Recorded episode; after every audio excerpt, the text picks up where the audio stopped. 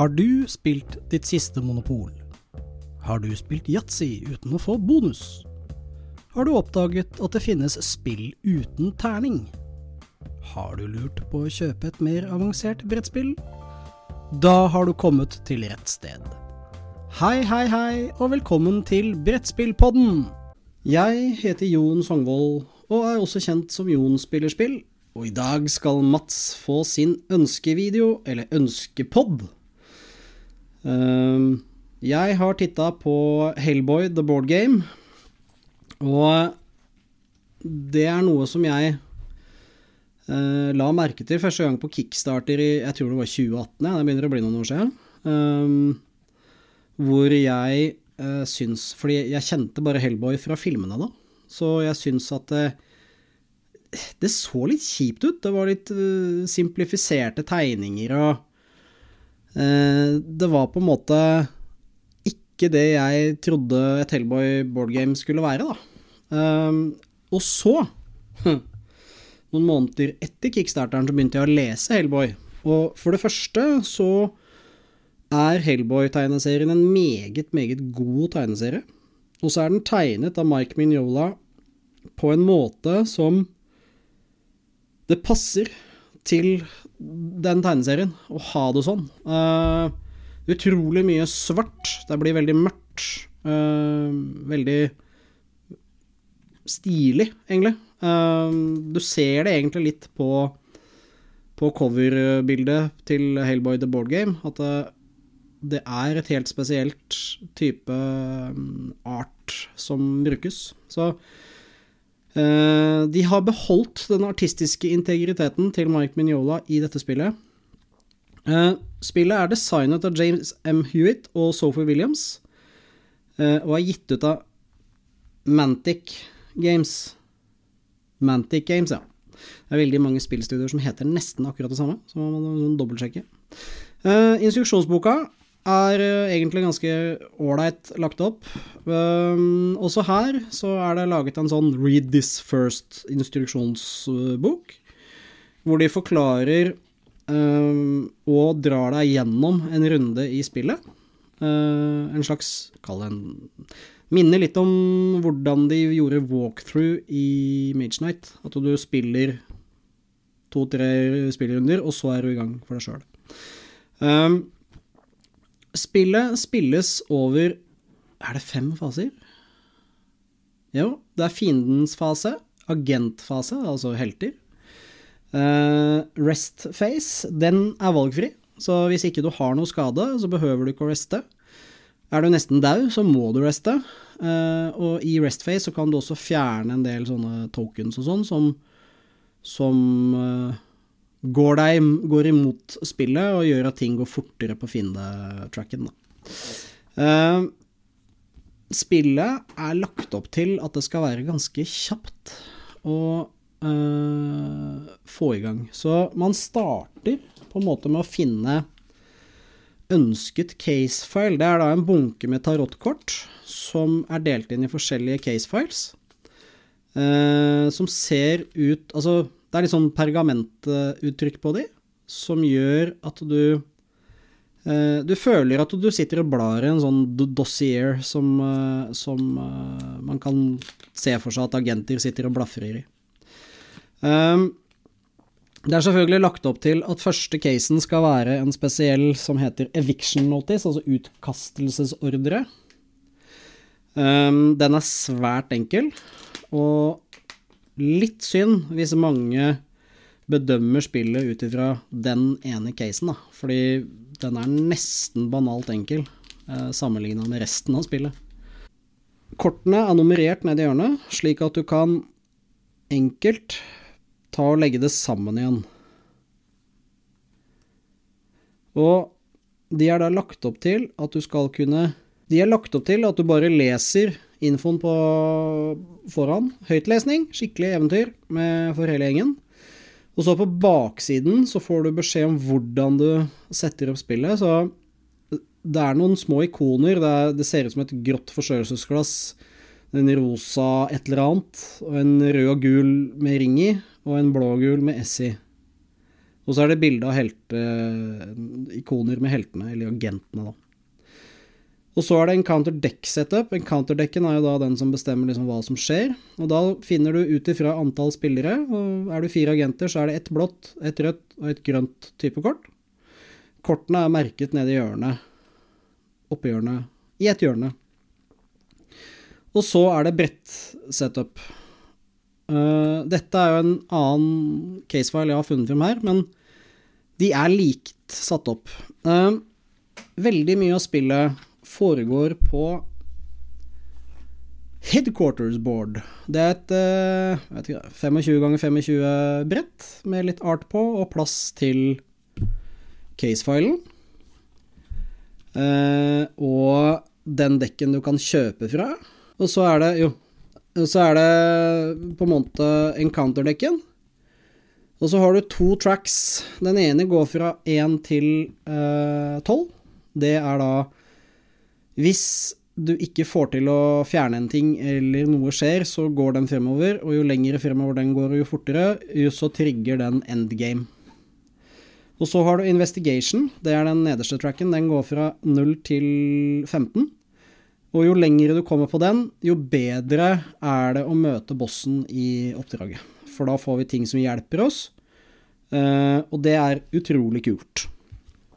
Og så har du liksom the meat of the game, da. Fordi selve spillet her er ganske enkelt. Um, det man skal være litt obs på, og som er min store ankepunkt til sånne les denne først, spill dette først, lær spillet på denne måten, del instruksjonsboka i to, det er at vi trodde at når vi hadde spilt denne, så ja, det var jo faktisk veldig enkelt, så dette her er jo ikke noe problem.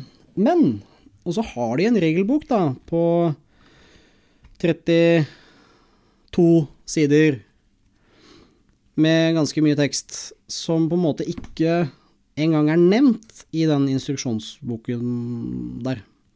Så, viktig detalj. Hvis du skyter på en fiende som står sammen med et møbel, så er du såpass dum at du skyter på møbelet først.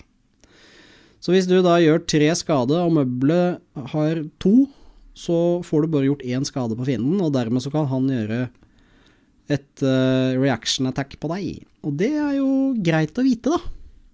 Nevnes ikke med et ord i den greia. Så det er helt sånn tilfeldig at man sitter og leser regelboka etterpå, for man lurer på et eller annet, og så ser man det isteden. Og så skjønner man at ok, vi må lese hele allikevel. Så du har uh, eh, HQ-board, som de kaller det. Uh, Casefile deck. Deck of Doom, det er jo da den som gjør at uh, dritt skjer. En counterdeck ligger ute på mappet, uh, og når du går, åpner en dør, så snur du den, og da ser du hva som foregår. Og da er det sånn at de fleste flisene i spillet er enten fire eller to spaces. Og da er det sånn at når du snur den, så er det A, B, C og D du leser da fra venstre til høyre, og så, så leser du linja under sånn. Um, det gjør at alt blir plassert ut på en helt bestemt måte, og som gjør at ting uh, er litt mer forutsigbart for oss agenter. Requisition deck, det er noe du kan gjøre. Det er også en sånn ting som ikke er nevnt i instruksjons... eller den lær- og spilleboka. Og det er jo en Du får noen poeng ut ifra hvor mange agenter du er. Og ut ifra hvor mange agenter du er, så får du f.eks. åtte poeng. Og da kan du kjøpe kort fra Requisition Deck, blant annet da supportagenter som hjelper deg til å gjøre ting lettere. Og så kommer noe av det som fascinerte meg aller mest med det spillet her. Det er target priority. Det er ofte et tema når du spiller sånne spill. Du står på samme felt, og så er det masse frem og tilbake med hvem skal vi skyte på? Hvordan er um, dette lagt opp? Og da er det sånn at man har byster av helten sin.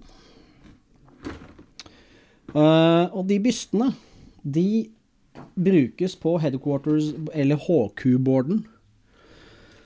Um, ehm, så Hellboy er liksom alltid prioritert, da, selvfølgelig. Så spiller du Hellboy, så havner du ofte foran. Men man setter da opptil fire byster på det HQ-brettet, så det er ikke mulig å spille mer enn fire i det spillet her. Eh, hvis ikke de gjør noe med noe Overlord add-ons eller noe. Men man har da på dette brettet, HQ-brettet, en uh, fire sirkler med plass til bystene på. Og hver gang man blir skutt på, så går man bakerst i køen. Og så rykker da de andre ned, sånn at de da blir prioritert. Hellboy, den vanlige Hellboyen, har en ability som gjør at han kan gå foran i den køen igjen. Uh, for å ta støyten, fordi blant annet han derre uh, Nå har jeg glemt hva han heter. Uh, Johan Kraus. Han er jo gass. Så når du slår på Johan Kraus, så blir det eh, Dykkerdrakta, som er forsegla og som er beholder på hans gass, blir skada, og du dør veldig, veldig fort. Eh, men han er god på andre ting, da. Eh, det som da eh, gjør mye av spillet, er jo strategien rundt plasseringen her. Og det er jo utrolig kult, da. Eh, at man, det er jo liksom noe som ingen andre har gjort før. Eh, og det er jo sånt jeg liker, da. At eh, de bruker tid og energi på å utvikle noe som veldig få har gjort. Det er sikkert noen som har gjort det, men uh, ikke noe som jeg har lagt merke til. Uh, og til syvende og sist så er dette et ganske vanlig spill, som på en måte det er en såkalt uh, hulekryper, eller dungeon crawler. Uh, det er ikke co-op. Nei, jo, det er det. Det er co-op, eller samarbeiding. Men det er ikke kampanje. Så du kan spille én og én gang, og det syns jeg er så bevriende deilig når det kommer sånne svære spill. Og så slipper du å investere 20 kvelder av blad med tre kompiser og nei, kan ikke og har ikke tid og sånne ting. Det er utrolig deilig at du har et spill som du bare kan vippe opp med hvem som helst, uten at det er noe investering gjort i forkant, og bare kunne spille. Det er ikke noe leveling av karakterer her. Ingenting.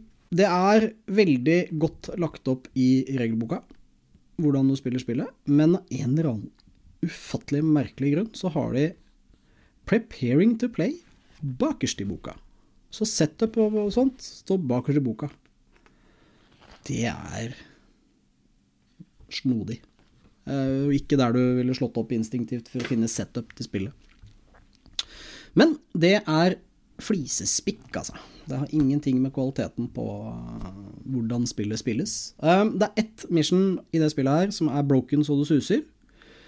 Uh, og det er det kickstarter uh, stretch-goalet med nazister og en svær orm som uh, gjør det. det er, han, den er det et eller annet med regeloppsettet som gjør det Det er ikke umulig, men det er nesten umulig. Og det er også sånn når du kommer et stykke uti der, så er det bare Ok, hvorfor gjør den det? Nei, den bare gjør det. Fordi at sånn er det. Og da vakler det spillet her litt. Um, det er ikke noe Det er ikke noe kult førstemøte med det spillet her, for å si det sånn, så pass på det hvis dere har kickstart-versjonen. At dere styrer unna den som har ormen. Det er en svær plastorm som veier et kvart kilo. Eh, ja, I hvert fall 150-200 gram, som en iPhone omtrent.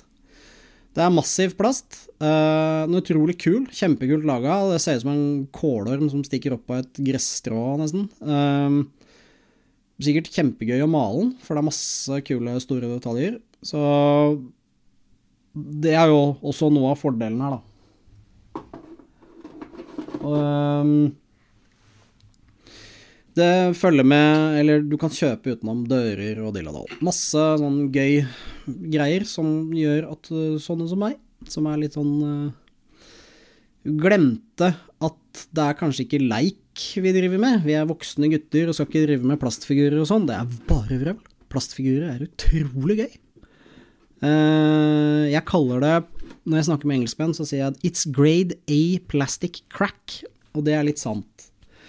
Det er bra laget, det er bra støp på de, det ligner på tegneseriene. Du kan male det i comic style. Det er en veldig sånn veldig eh, Du bruker på en måte en ink til å lage skygge på figurene og sånn, og da får du utrolig kule eh, malte figurer. Um, jeg har bare så vidt malt noen av de, uh, men for én gangs skyld så er jeg faktisk fornøyd med de, fordi det er ingen tvil da, om at Hellboy ligner på Hellboy uh, i bladene. Han har de samme sorte feltene som i bladene. Det er utrolig stilig. Uh, Abe Sapien får liksom samme stil. Han får sånn tegneserieskygger, og det passer så bra i det spillet her. Kanskje fordi at map, uh, map tiles, sa du. Uh, kartfliser, som jeg vil kalle det, har den samme art-stylen som i bladene. Så hvis du maler da Hellboy osv. i samme style, så vil du føle at du er tungt inni universet i Hellboy. Uh, og det Det er så kult, altså. Og det er så gøy å male også. Uh, og du slipper alt dette surret med at 'å, hyl og skrik, vi får ikke til pupiller'. Nei vel, så får du ikke til pupiller, da. Det får ikke Mike Mignola til heller, så han har droppa de. Det er utrolig mye kult uh, du får, som du kan gjøre. Du kan gradere og Masse sånn stilige mm, malemuligheter.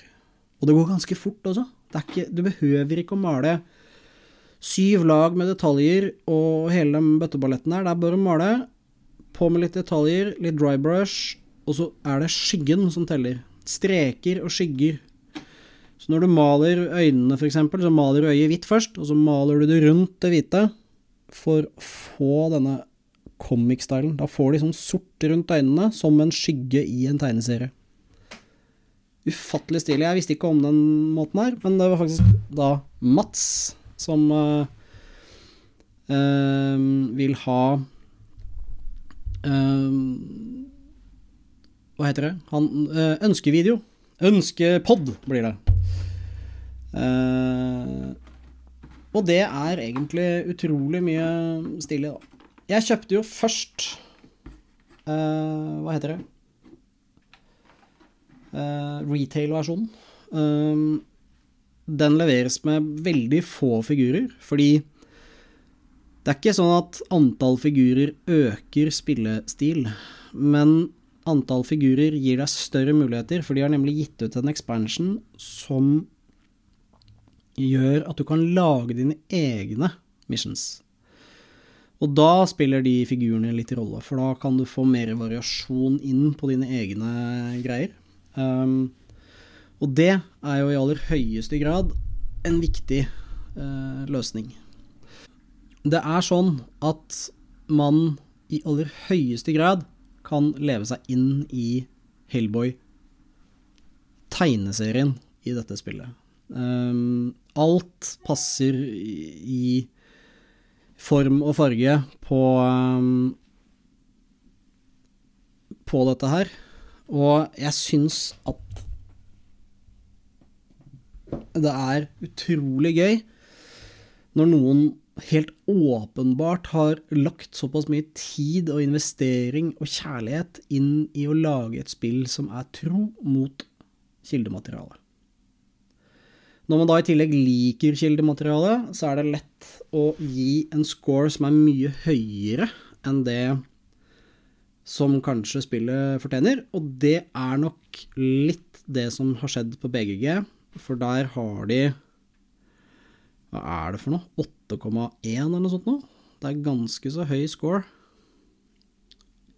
Skal vi se 8,1, ja. Og over 1000 som har stemt på det. Så det tyder på at det er et ganske smalt spill. Det er ikke mange kopier som finnes av dette i Norge. Eh, jeg tror Outland kanskje har eh, kickstarter-versjonen fortsatt, hvis du er skikkelig sugen, men ellers så gjelder det retail. Og du får kjøpt mye av innholdet i kickstarter-versjonen i retail, men ikke den derre kålorm-missionet med nazistene osv. Og det er kanskje ikke så farlig, i og med at det er ganske så broken. Så jeg tipper jeg har én spiller i min gruppe som syns at det, det er utrolig nitrist uh, spill, for han fikk en sånn worst case scenario-opplevelse av uh, Hellboy. Jeg er ikke sikker, jeg har ikke spurt den, men jeg fikk litt følelsen av at det kanskje var uh, var casen. det er gitt ut tre expansions i tillegg til base, game på retail, og to av de er da i Kickstarter stretch goal-boksen som heter Box Full of Evil. Og så er det en som heter Wild Hunt, som du også må ha hvis du har kickstarter-versjonen. Da har du Søkke og Snøre av uh, Hellboy. Og så har de også gitt ut noen større bosser til blant annet The Wild Hunt, som er klin umulig å få tak i. Det er The Blood Queen for uh, The Wild Hunt er samme storyen som den siste Hellboy-filmen. Den nyeste. og for å være helt ærlig så gjør brettspillet en mye bedre jobb av å formidle den storyen enn filmen. Det er ikke så ofte, altså, at det er så markant. Filmen var helt ålreit, den. Uh, spillet er faktisk veldig bra. Så det er to tomler opp for Hellboy, det er det ingen tvil om. Um, det er helt sikkert ikke for rolle, så det kan være greit på en måte å være glad i Hellboy i utgangspunktet, men jeg tror ikke det vil ha noe å si uh, om det er film eller blad-Hellboy du syns er gøy, fordi det er veldig tungt helt samme universet. Uh, det eneste som er litt sånn offsetting, er at hvis ikke du vet hvordan artworken i bladene er, så ser Hellboy rar ut hvis du forventer liksom artwork som ligner på filmene. Jeg syns artworken i det spillet her nå er unikt bra, fordi Mike Mignola har en så unik uh, art-variant. Uh, um, ja, det var det. Uh, tusen takk for meg. Hyggelig at uh, du hører på. Uh, denne podkasten er både på Spotify og Apple Podcaster, i tillegg til å være i filmet form på YouTube. Så hvis du har lyst til å se litt sånn show and tell, om du vil, på, på dette her, så du ser litt hva jeg snakker om, så er det bare å gå dit og se videoen. Den heter akkurat det samme. Tusen takk for meg. Ha det! Det var alt som Brettspillpodden hadde å by på i denne episoden. Dersom du ønsker mer informasjon om podden, eller har noen tips til Jon spiller spill, så send en e-post til brettspillpodden at jonspillerspill.no.